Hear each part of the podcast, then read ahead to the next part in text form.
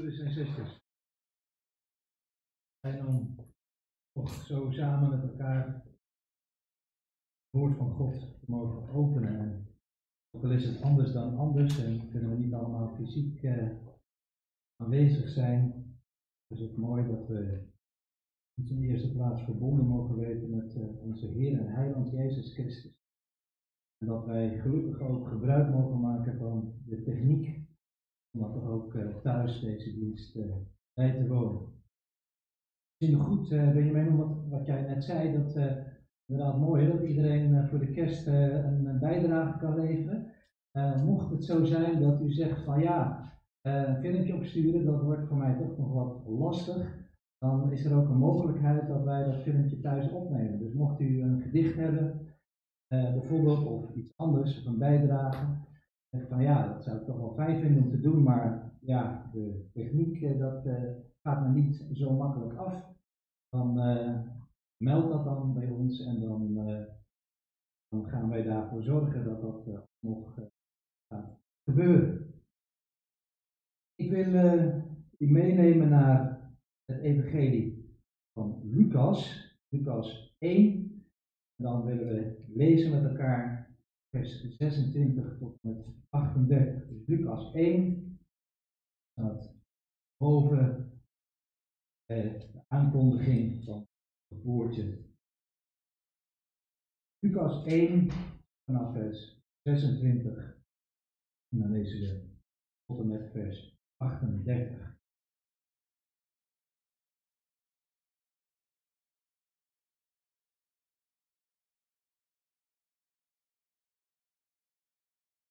In de zesde maand werd de engel Gabriel door God gezonden naar een stad in Galilea, waarvan de naam Nazareth was, naar een maagd die ondertrouwd was met een man van wie de naam Jozef was, uit het huis van David. En de naam van de maagd was Maria. En toen de engel bij haar binnengekomen was, zei hij: Wees gegroet, begenadigde, de Heere is met u. U bent gezegend onder de vrouwen. Toen zij hem zag, raakte zij in verwarring door zijn woorden en zij vroeg zich af wat de betekenis van deze groet kon zijn. En de engel zei tegen haar: Wees niet bevreesd, Maria, want u hebt genade gevonden bij God. En zie, u zult zwanger worden en een zoon baren, en u zult hem de naam Jezus geven. Hij zal groot zijn en de zoon van de Allerhoogste genoemd worden. En God de Heere zal hem de troon van zijn vader David geven. En hij zal over het huis van Jacob koning zijn, tot in eeuwigheid. En aan zijn koninkrijk zal geen einde komen. Maria zei tegen de engel, hoe zal dat mogelijk zijn, aangezien ik geen gemeenschap heb met een man? En de engel antwoordde en zei tegen haar, de Heilige Geest zal over u komen. En de kracht van de Allerhoogste zal u overschaduwen.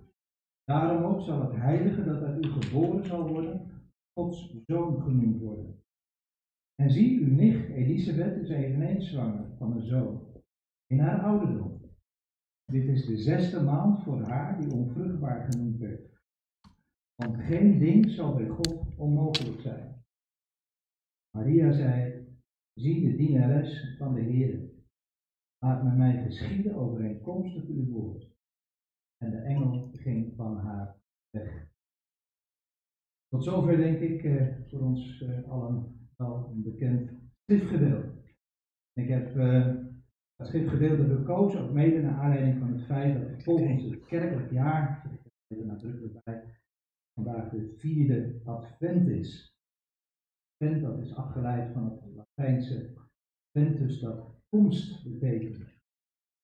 En ja, natuurlijk in de christelijke traditie staat hè, advent vooral in het teken van eerste komst van de Heer Jezus.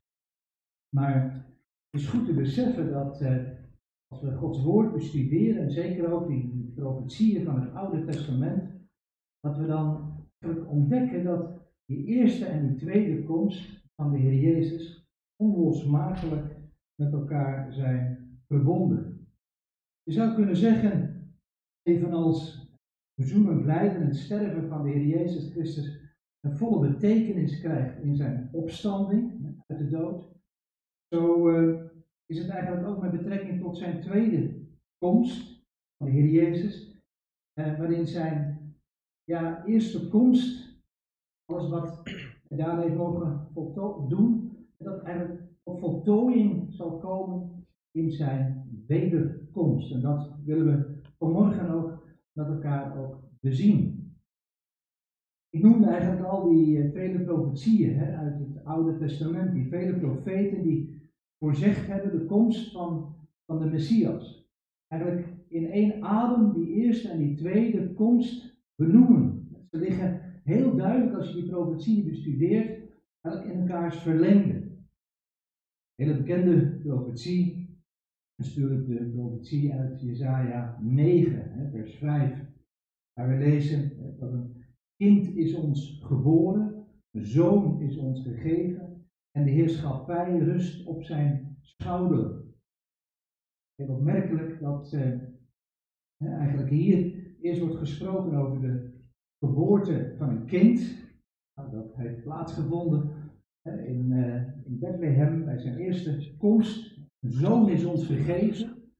Denk dat de Heer Jezus is de zoon van God. Maar als je Matthäus Evangelie begint te lezen, het eerste vers in het Nieuwe Testament, dan is hij ook de zoon van David en ook de zoon van Abraham. Dat betekent, dat begrip zoonschap heeft alles te maken ook met zijn erfgenaamschap. Hij is de erfgenaam van God. Paulus zegt in Romeinen 8 dat wij mede-erfgenamen mogen zijn van de Heer Jezus Christus. Hij is ook de erfgenaam van David, de erfgenaam van Abraham. Daarmee is hij ja, degene die ook al die beloften hè, aan David, al die beloften ook aan Abraham zo vervullen. Een kind is ons geboren, een zoon is ons gegeven. Er staat er, de heerschappij rust op zijn schouder. En dan zien we eigenlijk dat, dat, dat Jezaja ons meeneemt vanaf zijn eerste komst naar zijn tweede komst. De heerschappij rust op zijn schouder. Je wel eens vaker gezegd dat uh, als ze zien over in Lucas 15 bijvoorbeeld, hè, dat, dat schaap dat door die herder wordt, wordt gevonden, dat verloren schaap, dan, dan wordt dat gelegd op zijn beide schouders, daar vindt het rust. Het is opmerkelijk dat Jesaja, als hij spreekt over de heerschappij, hè, die rust op zijn schouder, dat hij dan het woord schouder in enkelvoud hè, gebruikt. Het is één schouder is voldoende om die hele heerschappij van de aarde straks hè, te dragen. Als het gaat om zijn liefelijkheid, als het gaat om zijn genade, als het gaat om zijn ja, geborgenheid hè, die hij aan dat verloren schaap wil geven, dan legt hij dat schaap zijn beide schouders. Zo vindt dat volkomen rust. En dan gaat Jezaja verder met te zeggen dat uh, men hem zal noemen, wonderbare raadsman, sterke God, eeuwige vader, vredevorst. Men zal hem noemen. Kunnen we vandaag aan de dag ook niet zeggen dat men hem zo in zijn algemeenheid met wezen namen eigenlijk uh, ja, benoemt en hem als zodanig erkent. Dat geloven we natuurlijk wel, maar, wereldwijd is dat bepaald niet het geval. Maar dat zal straks gaan geschieden. Dat spreekt eh, eigenlijk van zijn tweede komst. Denk ook aan bijvoorbeeld de profetie van, uh, van, van, uh, van, van Micha, waar we die, die, die, die drie tijdsdimensies onthuld vinden. Micha 5, vers 1, daar staat: En u, Bethlehem, Efrata, al bent u klein om te zijn onder de duizenden van Juda, uit u zal mijn voortkomen die heerser zal zijn in Israël. Mooi trouwens dat de Heer hier zegt, hij zal mij voortkomen. We zijn vaak zo gericht op onszelf. In de eerste plaats altijd hè, het idee dat de Heer Jezus in de eerste plaats voor ons is gekomen. Nou, daar moeten we al voorzichtig mee zijn, want hij is in de eerste plaats, zullen we vanmorgen zien, gekomen voor zijn volk Israël. Maar uiteindelijk, de eerste keer, hè, de eerste reden waarom hij is gekomen is, is dat hij gekomen is om de vader te rehabiliteren. Bedenk dat de mens God oneer heeft aangedaan door zijn zonde, door zijn ongerechtigheid. In de eerste plaats is hij gekomen om, voor God. Hè. Daarom staat er ook hè, dat hij, al bent u klein onder de duizenden van Juda, hè, Bethlehem, Ephrathah, uit u zal mij voortkomen. Dan gaat het natuurlijk om zijn eerste komst, zijn geboorte in Bethlehem, stad van David. De zoon van David zagen we. Maar moest hij ook in, da in Bethlehem geboren worden. Bethlehem, huis van brood, hij is dat brood des levens. Er staat er vervolgens die een heerser zal zijn in Israël. En daar gaat het weer over zijn wederkomst. En straks zal terugkomen, dan zal hij de heerser zijn in Israël. Vanuit Israël zal eigenlijk de heerschappij verder zich uitbreiden over, over de hele aarde, over alle volkeren der aarde. En dan zegt Micha er zo bijzonder mooi bij, geïnspireerd door de Heilige Geest. En zijn oorsprongen zijn van ouds, van eeuwige dagen af. Dat getuigt eigenlijk van, met een moeilijk woord noemen, zijn pre-existentie. Voor zijn komst naar deze wereld was de Heer Jezus daar reeds. Hè. Zijn dagen zijn uh, ja, als de dagen van ouds. Zijn oorsprongen zijn van oudsher. Dat is natuurlijk mooi ook om de verschillende evangeliën ook eens met elkaar te vergelijken. Die ieder, elke evangelist, zo'n specifiek licht werpt op, op de persoon van de Heer Jezus. En dan denk ik bijvoorbeeld aan, aan Johannes, die vooral ook inzoomt hè, op, op het feit dat hij nog voor zijn grond en nog voor zijn komst naar deze aarde, dat hij daar al, al was. Johannes die zijn evangelie ook begint met de woorden, in het begin was het woord, en het woord was God, uh, het woord was bij God en het woord was God. In den beginnen. We kunnen daar niet een bepaald bepaalde tijdaanduiding geven. In den beginnen. Kunnen niet zeggen, nou dat was zoveel jaar, schatten we voor, voor de schepping of iets dergelijks. Nee, het is duidelijk dat, dat, dat, dat Johannes hè, begint om ons mee te nemen buiten de tijd. Hè, in den beginnen, zoals ook hè, de Bijbel ook begint in Genesis 1 vers 1. Hè, in de beginnen schiep God de hemel en de aarde. En zo is het bijzonder dat hij is van eeuwigheid. En dan komt het moment, in vers, vers 14 van Johannes 1, dat Johannes zegt, en het woord is vlees geworden en het heeft onder ons gewoond. Nou, dat woord is vlees geworden, ja, dan komen we in de tijd. Er is een tijdsmoment geweest waarop dat woord, dat was bij God van eeuwigheid af, dat dat in de tijd vlees is geworden.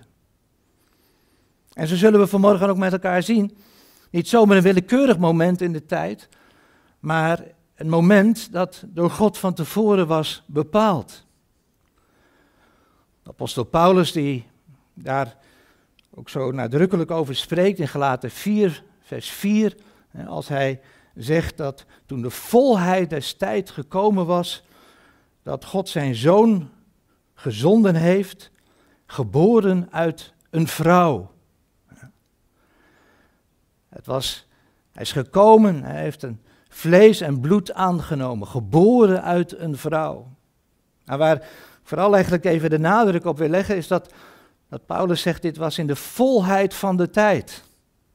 Je zou het kunnen vergelijken met een zandloper. Waarvan dat bovenste deel hè, langzamerhand leegloopt en dat onderste deel van die zandloper dan, dan langzamerhand vol raakt. Nou, dat is eigenlijk de volheid van de tijd. Op een zeker moment was dat onderste deel, zou je kunnen zeggen, van die zandloper was vol. Het was dat moment dat God tevoren bepaald had dat hij zijn zoon naar deze wereld zal zenden. Geboren uit een vrouw. Het is opmerkelijk als je bijvoorbeeld leest uh, over Simeon dat hij een goddelijke openbaring had gekregen hè, door de Heilige Geest. Je kunt dat lezen in Lucas 2. Dat hij de dood niet zou zien voordat hij de gezalfde van de Here zou zien.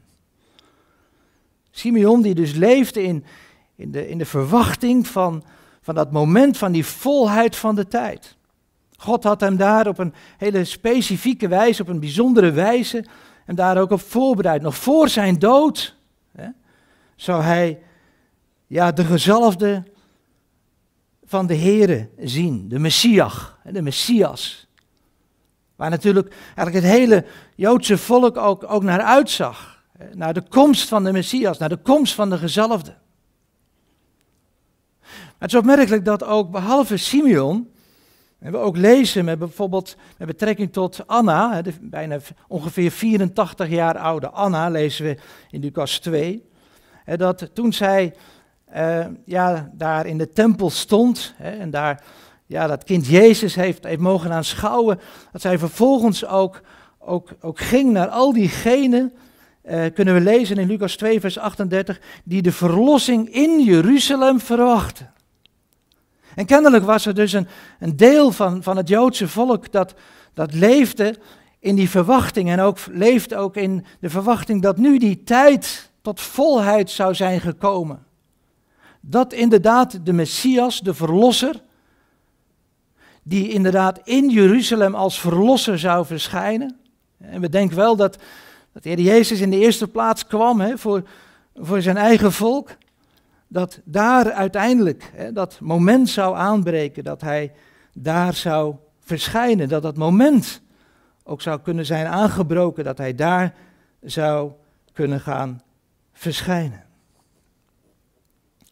Want nu, voordat we verder gaan, is het denk ik ook goed om eens even stil te staan bij wie die aankondiging van de geboorte doet aan Maria. En dat blijkt de engel Gabriel te zijn. Gabriel die ook uh, de geboorteaankondiging doet aan Zacharias. Betrekking tot de komst van Johannes de Doper. Engel Gabriel die ook blijkt een engel te zijn met een opmerkelijk groot gezag. Zijn naam betekent ook held van God. Maar ook als je zo leest, hè, als met die ontmoeting die hij daar heeft in de, in de tempel hè, met Zacharias. En, en Zacharias eigenlijk toch ja, uiting geeft van zijn twijfel. Hè, of, of die woorden van Gabriel wel, wel echt betrouwbaar zijn. Dan, uh, ja, en, en hij dan ook zegt, hè, Zacharias, van uh, hoe zal ik dat weten, want ik ben oud en mijn vrouw is op hoge leeftijd uh, gekomen. Ja, hoe zal ik dat weten? Ja. Het is duidelijk dat, dat Zacharias eigenlijk geen, niet genoeg had aan het woord van, van deze engel. Hij wilde eigenlijk ook daar nog een teken aan toegevoegd hebben. Misschien ook wel kenmerkend voor ja, ons ja, ons ongeloof, hè, wat soms ook kan, ja, kan, kan opkomen in ons. Dat we eigenlijk toch iets meer willen dan, dan alleen maar het woord. Dat we ook een, een ervaring willen of, of iets anders wat, wat daar nog aan het woord zou kunnen worden toegevoegd. Zodat we daar nog extra eh, zekerheid uit kunnen putten. Ja, en dan is het antwoord van Gabriel. Je kunt dat lezen in Lucas 1, vers 19 en 20. Ik ben Gabriel die voor God sta. Dan zie je de positie van Gabriel. En ik ben uitgezonden om tot u te spreken en u deze dingen te verkondigen. En zie, u zult zwijgen en niet kunnen spreken tot op de dag dat deze dingen gebeurd zijn, omdat u mijn woorden niet geloofd hebt, die vervuld zullen worden op hun tijd. Op hun tijd. Dat woord dat, dat Gabriel mocht spreken, waartoe hij was gezonden, dat zou op zijn tijd hè, ook vervuld worden, op Gods tijd vervuld worden.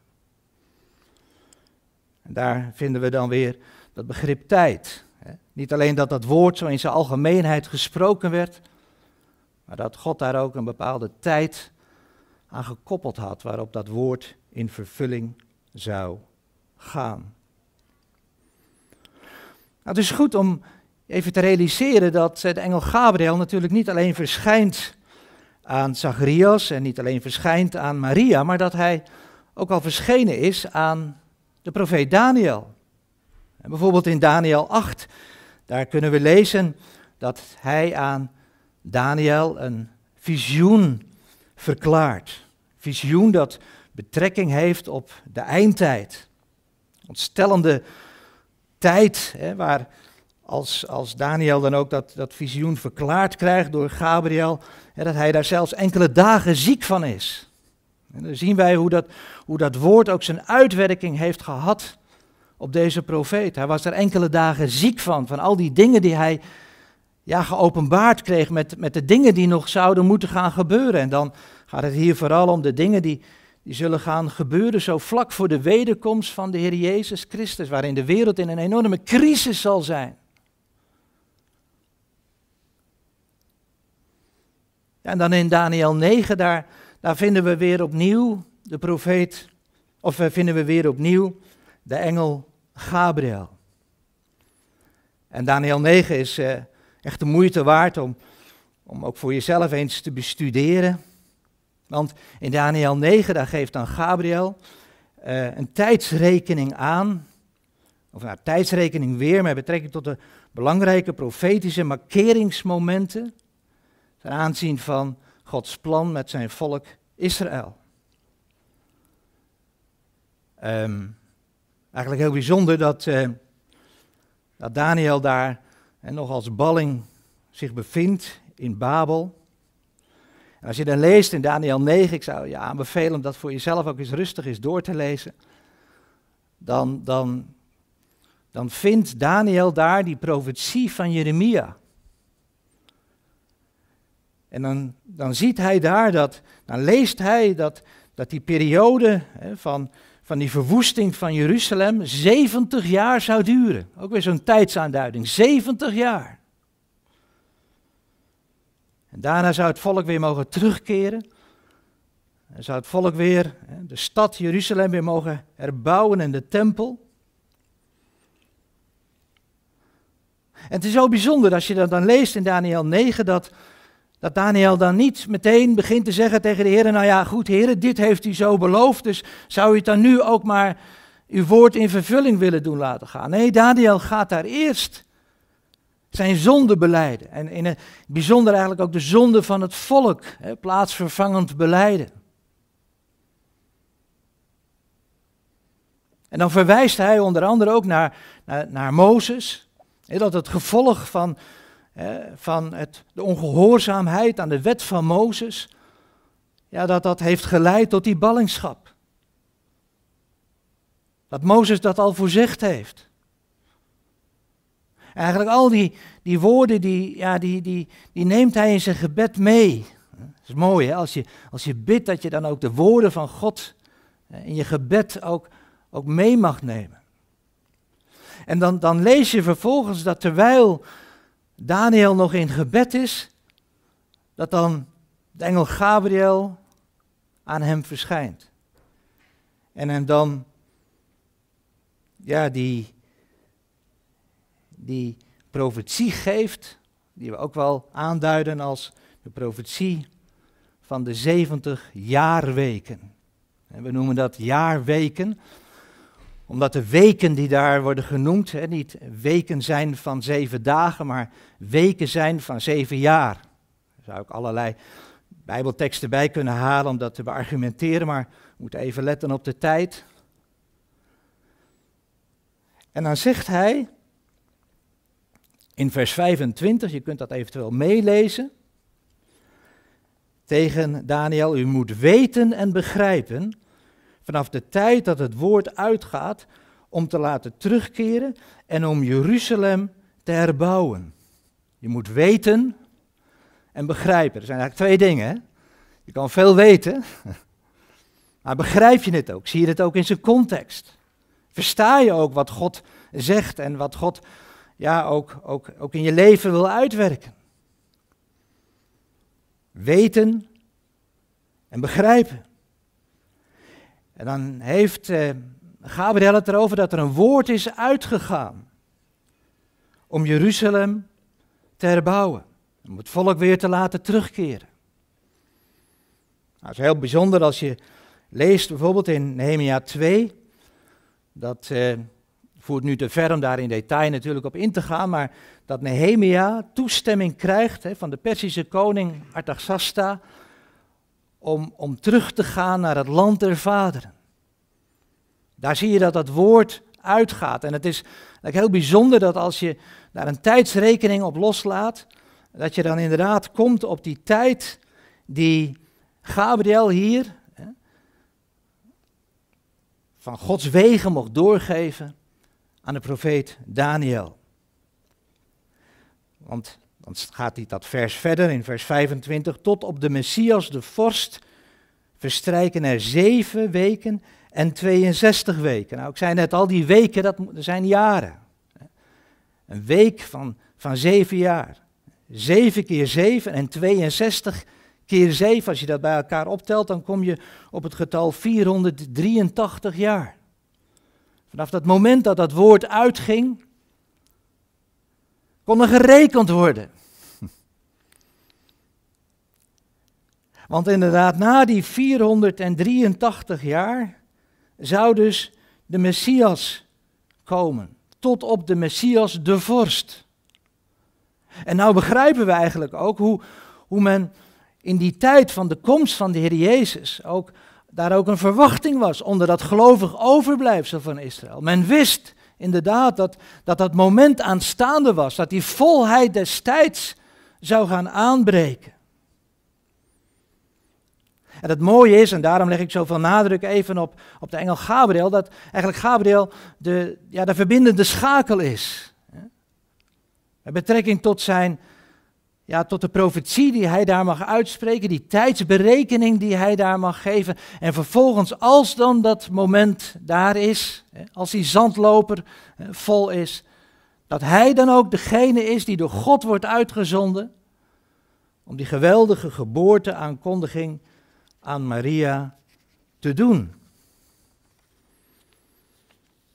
En is het zo mooi als we dan lezen hè, vers 32 en 33, dan zijn we weer terug in Lucas 1, waar dan Gabriel zegt, hij zal groot zijn. Hij zal zijn de zoon van de Allerhoogste, hè, zo zal hij ook genoemd worden. En God de Heere zal hem de troon van zijn vader David geven. Daar hebben we het weer. Jezus die kwam uit het, nage, het geslacht van David. David, de zoon, hij was de zoon van David en daarom ook degene die ook recht heeft op de troon van David. En dan staat er, en hij zal over het huis van Jacob koning zijn tot in eeuwigheid. En aan zijn koninkrijk zal geen einde komen. Eigenlijk heel mooi als je dat, als je dat, eh, als je dat beseft, hè, dat, dat Daniel dit, ja, deze profetie dan ontvangt, hè, nog, nog in Babel. In Babel, waar hij bijvoorbeeld ook in, in Daniel 2, hè, die geweldige profetische droom van Nebukadnezar mag uitleggen. Waarin hij laat zien dat, dat na dat, dat koningschap van Babel, die wereldheerschappij van Babel, er, er andere rijken zouden gaan volgen. Dat waren tijdelijke rijken. En als je dat dan ook zo leest in Daniel 2, dan, dan zie je dat, dat, dat die rijken die daar worden opgezond uiteindelijk hè, zullen uitmonden in dat, dat laatste rijk, hè, dat, dat grote antichristelijke rijk. Het is wat de Bijbel ook wel noemt, of wat de Heer Jezus ook wel aanduidt als de tijden der heidenen, hè, waarin de Heer dus niet vanuit Jeruzalem regeert, maar, maar door de machthebbers, van achterin volgens Babel, Medo-Persie, Medo-Persië, het Grieks-Macedonische Rijk, het Romeinse Rijk. En dan gaandeweg zo naar, dat, dat, dat gruwelijke rijk waar, waar, waar Daniel ziek van was toen hij, toen hij las wat, wat dat zal met de wereld zal doen, wat dat met zijn volk zal doen als dat, als dat rijk zal verschijnen.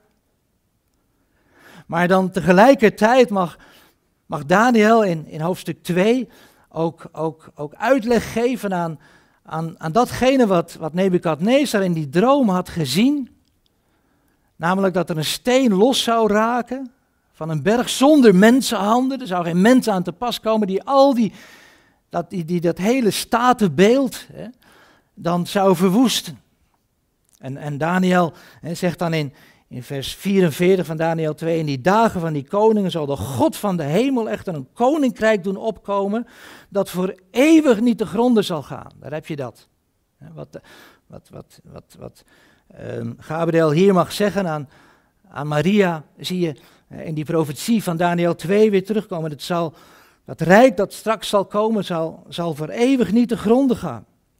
Het zal ook niet op een ander volk overgaan, zoals dat eigenlijk gebruikelijk is in de loop van de geschiedenis, in die tijden der heidenen, dat eigenlijk elke keer weer opnieuw daar een nieuw wereldrijk weer oprees. Nee, het zal niet op een ander volk overgaan.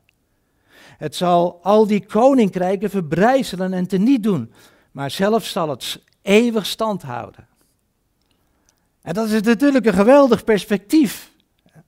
We mogen weten dat straks de Heer Jezus Christus zal terugkomen, advent. Zijn komst zal betekenen dat hij een einde zal maken aan, aan al deze wereldrijken, aan al deze ja, ongerechtigheid, waarmee vaak ook die wereldrijken ook, ook gepaard gingen. En hij zal een eeuwig rijk oprichten. Vers 32 hè, van Lucas 1, hij zal over het huis van Jacob koning zijn tot in eeuwigheid en aan zijn koninkrijk zal geen einde komen. Heel bijzonder. Maar weet je, in Daniel 9, daar geeft Gabriel nog een heel bijzonder aspect van de komst van de Heer Jezus, de komst van de Messias. Want hij zegt dan in vers 26 dat die Messias zal worden uitgeroeid. En dan voegt hij daaraan toe, maar dat zal niet voor hemzelf zijn. Dat de Messias zal worden uitgeroeid, dat getuigt natuurlijk van een gewelddadige dood. En ik hoef denk ik niet te verklaren dat dat heeft plaatsgevonden op het kruishout van Golgotha, waar de Heer Jezus aan het vloekhout is gehangen. Een gewelddadige dood, een gruwelijke dood, is gestorven. Maar, zegt Gabriel, voegt daaraan toe, het zal niet voor hemzelf zijn. Nee, hij hing daar niet vanwege zijn eigen ongerechtigheden. Dat bepaalt ons natuurlijk weer bij, bij de profetie van, van Jezaja 53. Waar Jezaja eigenlijk namens het volk, als het ware, zegt, hij is om onze overtredingen verwond, hij is om onze ongerechtigheden verbrijzeld. En de straf die ons de vrede aanbrengt was op hem. En door zijn striemen is ons genezing gekomen. Wij allen dwaalden als schapen, daar heb je die weer die schapen, Lucas 15.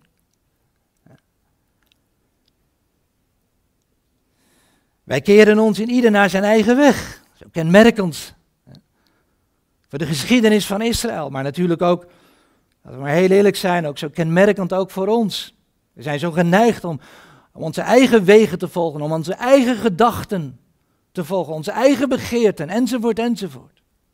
Wij wenden, wenden ons in ieder naar onze eigen weg.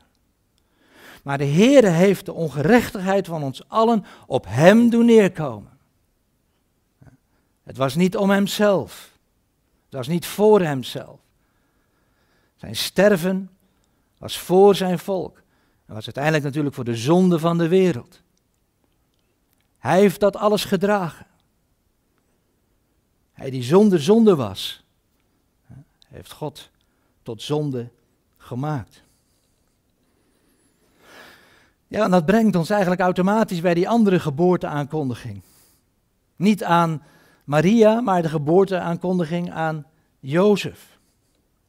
Het is mooi als je dat leest in Matthäus 1, vers 20 en 21, waar de engel Jozef dan aanspreekt als zoon van David. Jozef, zoon van David, wees niet bevreesd, zegt de engel, Maria, uw vrouw, bij u te nemen, want wat in haar ontvangen is, is uit de Heilige Geest. En zij zal een zoon baren.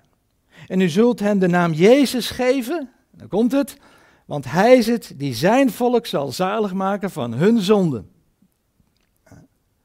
Dat is eigenlijk de betekenis van de naam Jezus. De Heer is redding. Hij is het die zijn volk van hun zonden zal zalig maken. En dan denk ik weer aan Jesaja 53, vers 8 om de overtreding van mijn volk is de plaag op hem geweest. Volk is enkelvoud. Ami, mijn volk. Hij zal zijn volk zalig maken van hun zonde. zie je dat het eigenlijk steeds weer begint bij Israël. Steeds weer begint bij dat volk dat God heeft uitverkoren om, om uit hen die Messias te laten voortkomen. Dat volk dat, dat door hem is uitverkoren om, om een zegen te zijn voor alle volkeren der aarde. Met Abraham en in Abraham zullen alle volkeren der aarde uiteindelijk gezegend gaan worden. En het is aan dit volk dat, dat de Heer ook zijn woord heeft toevertrouwd. Een van de geweldige voorrechten die Paulus opzomt in Romeinen 3. Misschien nog heel even stil te staan ook bij het feit dat, dat, dat Jozef eigenlijk wordt, wordt aangemoedigd om niet bevreesd te zijn om Maria bij haar te nemen.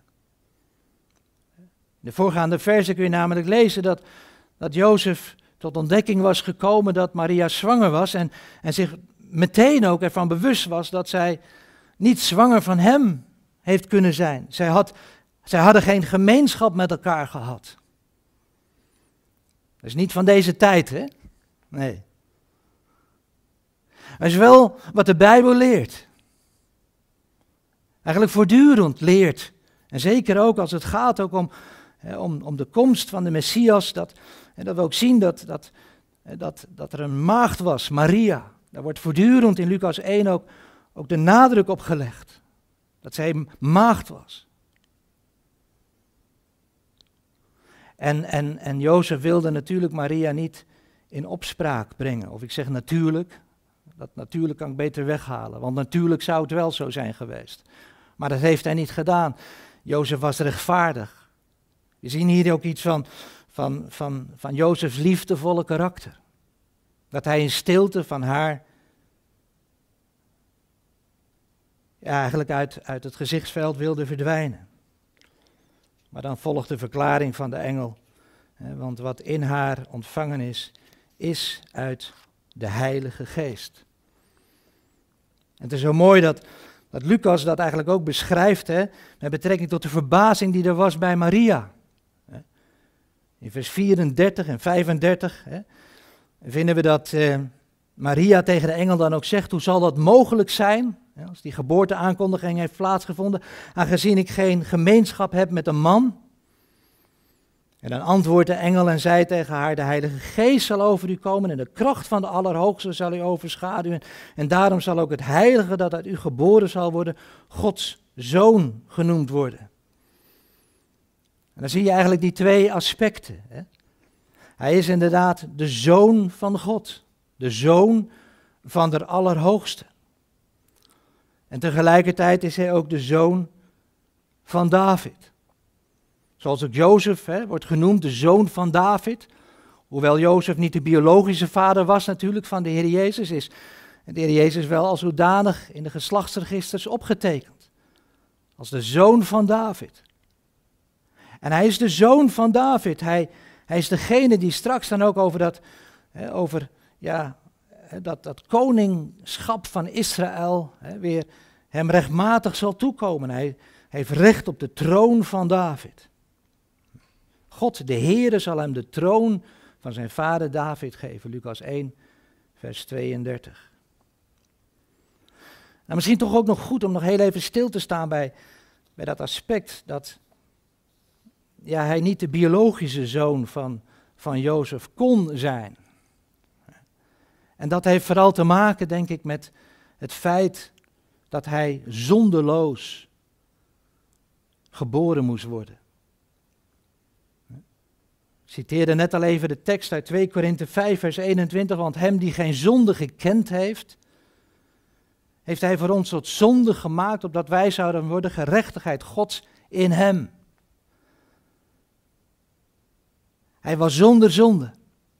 En juist omdat hij zonder zonde was, was hij ook in staat om ook de zonde van de mensheid ook weg te dragen.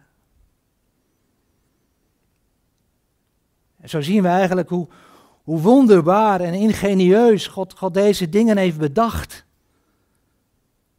En de Heer deze dingen tot stand heeft gebracht. Om ons te kunnen verlossen van onze zonden en onze ongerechtigheid, om ons weer terug te brengen bij onze Schepper, die we in en door de Heer Jezus Christus mogen kennen als onze Hemelse Vader. Nou, dan is het ook nog mooi hè, wat we dan lezen in vers 36 en 37, waar de engel dan zegt, en zie, uw nicht Elisabeth is eveneens zwanger van een zoon in haar ouderdom. En dan staat er, dit is de zesde maand voor haar die onvruchtbaar genoemd werd. Ja. Want, zegt dan de engel, want geen ding zal bij God onmogelijk zijn. Is dat niet prachtig? Elisabeth die al op hoge leeftijd was gekomen. Zacharias die dacht, ja, dit is onmogelijk. Waaraan zal ik weten dat?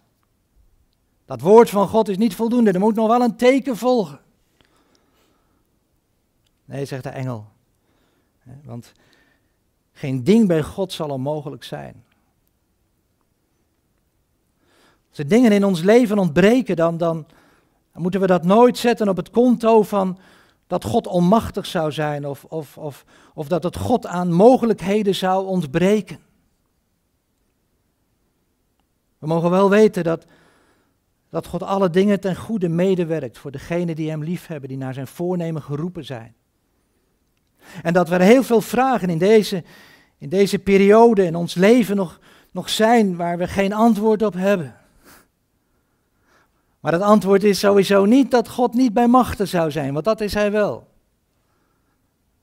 Maar het antwoord is dat we nu nog zien in de spiegel als in de spiegel in raadselen. En dat we straks ten volle zullen zien, straks ten volle zullen verstaan waarom dingen in ons leven hebben plaatsgevonden zoals zij hebben plaatsgevonden. En hoe God dwars door alles heen tot zijn doel is gekomen.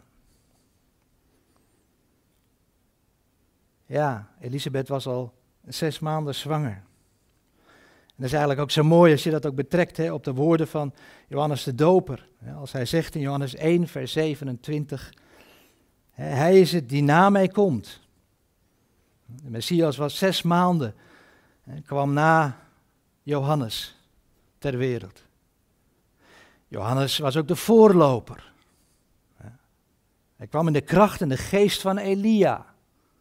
De bereider, de wegbereider van de Messias. Maar dan is het zo mooi dat Johannes meteen daaraan toevoegt, die voor mij gekomen is. Ja, of die na mij komt, die is voor mij geworden. En daar, ja, daar, daar grijpt eigenlijk Johannes weer terug op het feit dat inderdaad de Heer Jezus wel na hem kwam, zes maanden later, zes maanden jonger was dan Johannes de Doper. Maar hij was er al voor Johannes. Hij is van eeuwigheid. Hij is de ik ben. Prachtig. En dan ook vervolgens dan ook Johannes zegt, bij wie ik niet waard ben de riem van zijn sandalen los te maken. Johannes was zich ervan bewust dat hij God zelf was, geopenbaard in het vlees. Ja, dan Tenslotte, vers 38, Maria zei, zie de dienares van de Heere laat mij geschieden overeenkomstig van uw woord. Naar uw woord. En de engel ging van haar weg. Dat is eigenlijk een dienaar of een dienares.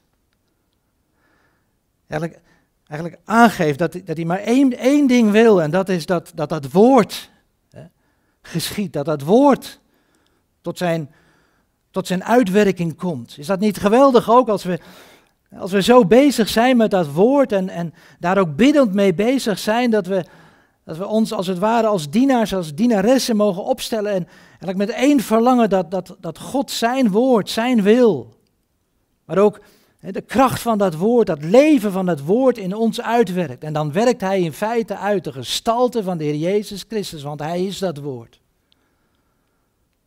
Mij geschieden naar uw woord.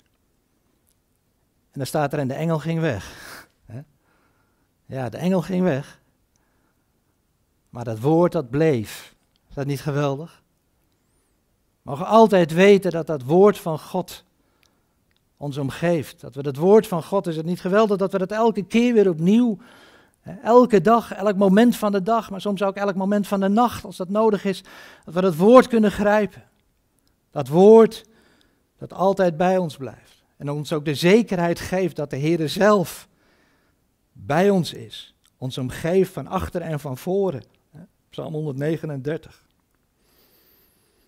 En dan dat getuigenis van Elisabeth in Lucas 1, vers 45. En zalig is zij die geloofd heeft, want wat haar van de kant van de Heer gezegd is, zal volbracht worden. Wat haar van de kant van de Heer. Dat woord wat Gabriel gesproken heeft, hij heeft gesproken van de kant van de Heer. En uh, ja, weet je, dan is het zo mooi, daar gaan we zo mee afsluiten, dat, dat Maria ook weer die eerste en die tweede komst met elkaar verbindt.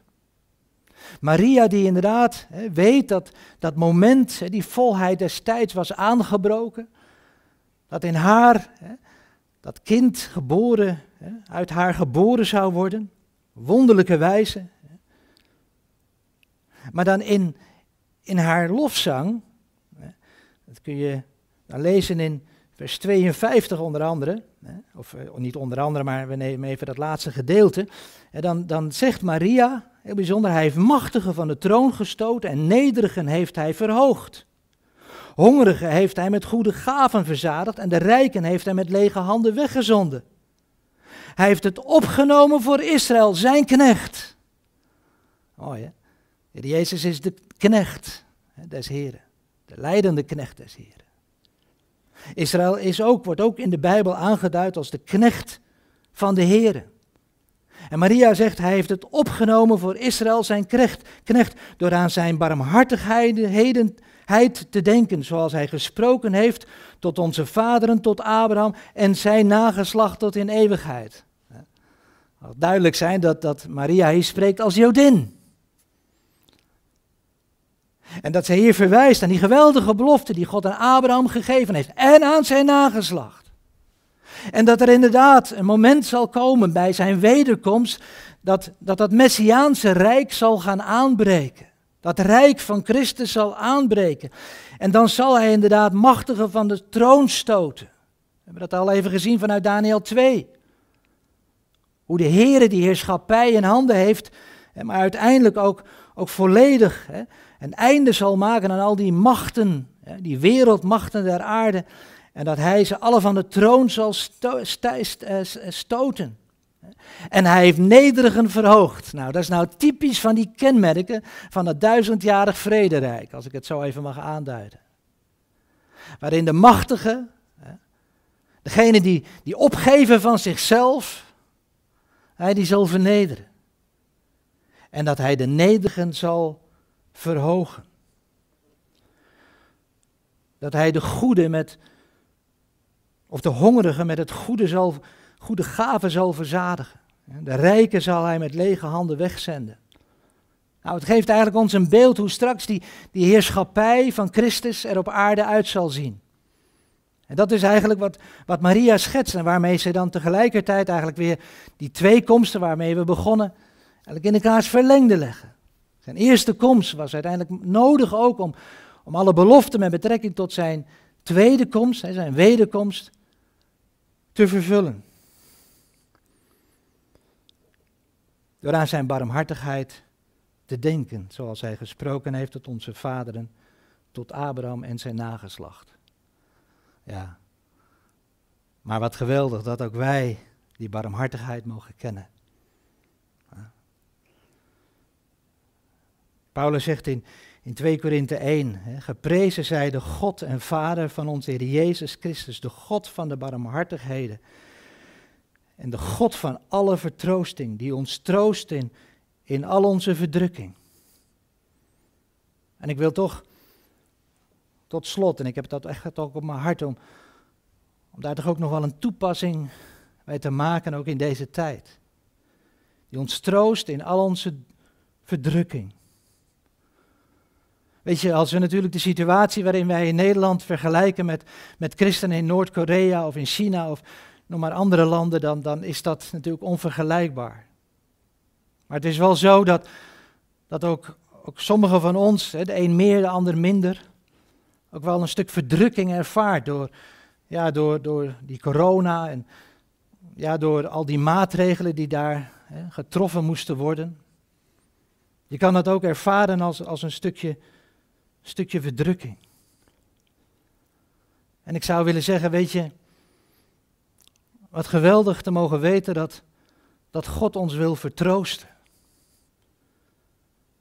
In het gebed wat we voor deze dienst hebben gedaan, zei Benjamin nog, we hoeven niet, um, nou zei je dat, we, we, mogen zien op de Heere God, we mogen, we mogen op Hem vertrouwen. En, en ik zou ons ook als gemeente ook, ook willen opwekken om, om ons vertrouwen op de Heere God te stellen. Ik merk dat er zo ongelooflijk veel complottheorieën de ronde doen. Ik word er overspoeld door mensen die me daarover vragen stellen, of, of mensen die al lang al, al, al, al daarin al helemaal in zijn meegegaan, in dat web als het ware al helemaal zijn, zijn, zijn terechtgekomen en als het ware mij ook daarin mee willen nemen, in, in allerhande complottheorieën. Dat dat vaccin, dat dat een, eh, ja, een, eh, teken zou zijn van het beest. Merkteken van het beest, openbaring 13. Dat uh, daarin een nanochip misschien wel hè, geïnjecteerd zou worden hè, door Bill Gates. Hè, die ook op allerlei manieren ook in een kwaad daglicht wordt gesteld. Hij zou allemaal daarachter zitten. En, en de farmaceutische industrie zou daar enorme ja, rijkdommen hè, naar zich toe gaan halen. De, de, de, de overheid die, die corrupt is en die ons eigenlijk wil brengen in een soort dictatuur. Ik krijg soms wel eens, wel eens appjes en dan, dan staat er een afbeelding van Hugo de Jonge en, en Mark Rutte eh, gekleed in, in nazi-uniformen. Van christenen. En, en wat we zo zien is, is, ik wil daar toch nog iets over zeggen, is, is dat daarmee ook eigenlijk dat, eigenlijk dat, dat leed wat over het Joodse volk is gegaan, zo gigantisch wordt gebagatelliseerd, alsof wij nu leven in nazi-Duitsland. En iets wat ik daar ook nog aan toe wil voegen is, dat we zien dat, dat het antisemitisme ongelooflijke vormen aanneemt. Dat Joden verantwoordelijk zouden zijn voor dat virus. Dat Joden zo'n grote neus hebben, hè? weet je waar dat komt? Nou, dat is dan gevaarlijk, want daar zou vooral dat coronavirus door besmet worden. Cartoons die, die te walgelijk zijn om te aan te zien. Dat is de tijd waarin wij leven. En ik zou zeggen, laten we voorzichtig zijn. Laten we dat profetische woord bestuderen, maar laten we tegelijkertijd ook gelijke tred houden met de ontwikkelingen waarin en de tijdspad waarin Gods woord ons deze dingen heeft bekendgemaakt. Dat we de profetieën lezen in hun context en, en zien dat het nog niet die tijd is waar bijvoorbeeld Openbaring 13 over spreekt. En ik moest ook zo denken aan wat er staat in Jezaja 8, vers 12. Hè. U mag geen samenswering noemen, alles wat dit volk een samenswering noemt. En waar zij voor bevreesd zijn, daarvan mag u niet bevreesd zijn en niet schrikken. We hoeven niet bevreesd te zijn zoals de wereld om ons heen bevreesd is. We hoeven niet die complottheorie te volgen die de wereld om ons heen grotendeels verzint. Doe maar voorzichtig, zeg maar grotendeels. Want inderdaad, sommige dingen zijn best ook wel, misschien ook wel moeilijk om, om te ontmaskeren. Maar weet je, de Engelsen zeggen: choose your battle. Kies je strijd. En onze strijd is de strijd van het geloof. Paulus zegt in 1 Timotheus 6, vers 12: strijd de goede strijd van het geloof. Dat is onze strijd. Een strijd van het geloof. Het, strijd om, om inderdaad te midden van al die omstandigheden het geheel en al te verwachten van de Heer. En dat we mogen weten dat we, dat we in Hem geborgen zijn voor tijd en eeuwigheid. Dat we ons daarover geen zorgen hoeven te maken. En het mooie is dat Paulus dan ook aan het eind van zijn leven dan ook zegt, ik heb de goede strijd gestreden, ik heb de loop tot een einde gebracht en ik heb het geloof behouden. Het geloof behouden. Paulus heeft zijn vertrouwen voortdurend, ook in de moeilijke omstandigheden waarin hij zich bevond, zijn vertrouwen volkomen gesteld op de Heer Jezus Christus. En dan zegt Paulus ook in, in Efeze 6, hè, bekleed u met de gehele wapenrusting van God. Dan gaat het over die geestelijke strijd. Niet een strijd hè, een aardse strijd, maar een geestelijke strijd, zodat u kunt standhouden tegen de listige verleidingen van de duivel. Want wij hebben de strijd niet tegen vlees en bloed, maar tegen de overheden. Dan bedoelt Paulus hier niet de aardse overheden, want we worden opgeroepen om voor die aardse overheden juist te bidden. Niet alleen maar, ik denk wel eens, hè, als we meer voor de overheid zouden bidden, zouden, zouden misschien ook veel wijzer en betere nog besluiten genomen worden. Als de christenheid ook daarin zijn verantwoordelijkheid verstond. Als Paulus het hier heeft over, over die overheden, dan zijn dat de geestelijke overheden tegen de machten, tegen de wereldbeheersers van de duisternis van dit tijdperk, tegen de geestelijke machten van het kwaad, de hemelse gewesten, daarvoor moeten wij onze wapenrusting dragen. En dan tot slot kom ik nog een keer terug op wat Paulus dan zegt in 2 Korinthe 1. Geprezen zij de God van onze Heer Jezus Christus, de Vader van de barmhartigheid, de God van alle vertroosting, die ons troost in al onze verdrukking. Er is je wel eens opgevallen dat daar niet een punt staat. Er staat een komma.